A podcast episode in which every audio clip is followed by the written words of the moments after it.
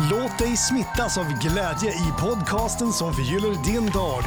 Välkommen till Glädjepodden med Sandra och gäster. Välkommen till Glädjepodden och eh, välkommen får vi också säga till Merkurius retrograd nu de här närmsta veckorna. Den här veckans avsnitt av Glädjepodden, det blev något fel på det och det här hände då samma dag, idag, som Merkurius gick i retrograd. Och Merkurius i retrograd, det betyder att planeten Merkurius då går baklänges under några veckor. Och det här sägs kunna påverka oss människor, bland annat genom att till exempel teknik strular, det kan strula med ja, men, eh, med resor, den typen av eh, kommunikationsfärdmedel eller det sägs också att man ska vara extra noga om man till exempel ska skriva under avtal eller liknande så ska man läsa igenom det ordentligt så att det inte blir några missförstånd. Så sånt här kan man ju tänka på då om man känner att man vill göra det eller så bara kör man på som vanligt då och tänker inte på vilket håll planeterna går åt eller var stjärnorna står eller så. Men det var ett intressant sammanträffande ändå tycker jag nu att eh, eftersom att jag själv också tänker på att jag visste ju att Merkurius gick i retrograd idag och jag var lite irriterad över det faktum att Merkurius går i retrograd ibland för att jag tänker att jag vill inte att saker ska strula. Och så kanske det var, var just därför det gjorde det nu också, bara för att jag tänkte på det. Men det intressanta är att eh, i höstas när Merkurius var i retrograd, jag kommer, vet inte om du kommer ihåg det här, men eh, det var då i alla fall som alla sociala medier i hela världen lades ner under, det var kanske bara några timmar, men ändå. Lite intressant, hela världen dessutom.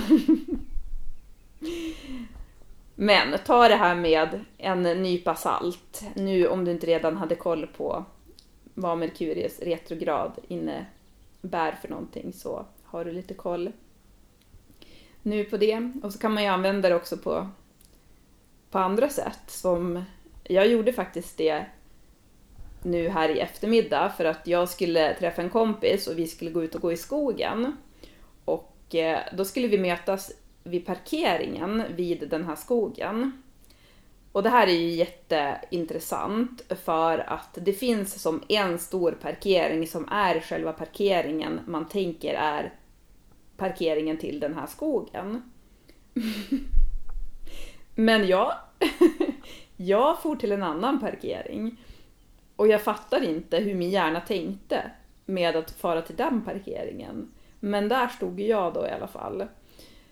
Eh, sen när vi väl träffades, jag och min kompis, så sa jag det. Jag bara, jag ber om ursäkt men eh, det är inte mitt fel. Merkurius gick i retrograd idag. så det kan man ju använda det till nu. När någonting går lite snett eller så. så. Men du får göra det i så fall. Om du ska använda det på det sättet så får du göra det med glimten i ögat. Du får inte göra det på ett manipulativt sätt. Jag känner faktiskt nu att eh, jag har inte så himla mycket mer att säga än just det där som jag har sagt. Det får bli ett sånt här avsnitt. Merkurius är i retrograd så det blir inget avsnitt den här veckan. Kanske är det så att det ligger någonting i det här med Merkurius retrograd och eh, att det är saker och ting som kan strula under den perioden. Eller så är det inte så, eller så är det lite så, eller så är det lite så man tror att det är så. Och jag tänker att det är ju just allt det här som ändå är tjusningen med att vara människa.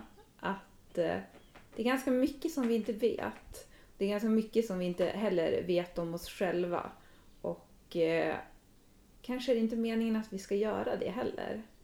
Kanske är det så att inte ens den mest upplysta buddhan här på planeten egentligen har svaren. För det kanske inte är meningen. Vi kanske mest ska spekulera och så kan vi ha våra egna sanningar och så kan vi komma på att de bästa svaren får vi alltid när vi sitter och går in i oss själva och den platsen där vi känner lycka och glädje. Där hittar vi bästa svaren. Kanske är det så. Kul att du lyssnade i alla fall. Du får gärna fortsätta. Prenumererar du inte redan så får du gärna göra det så får du mera glädje. Någon form av glädje varje onsdag. Och eh, vill du kontakta mig så hittar du mina kontaktuppgifter i poddbeskrivningen. Så säger jag bara ta hand om dig och eh, ha en fin dag.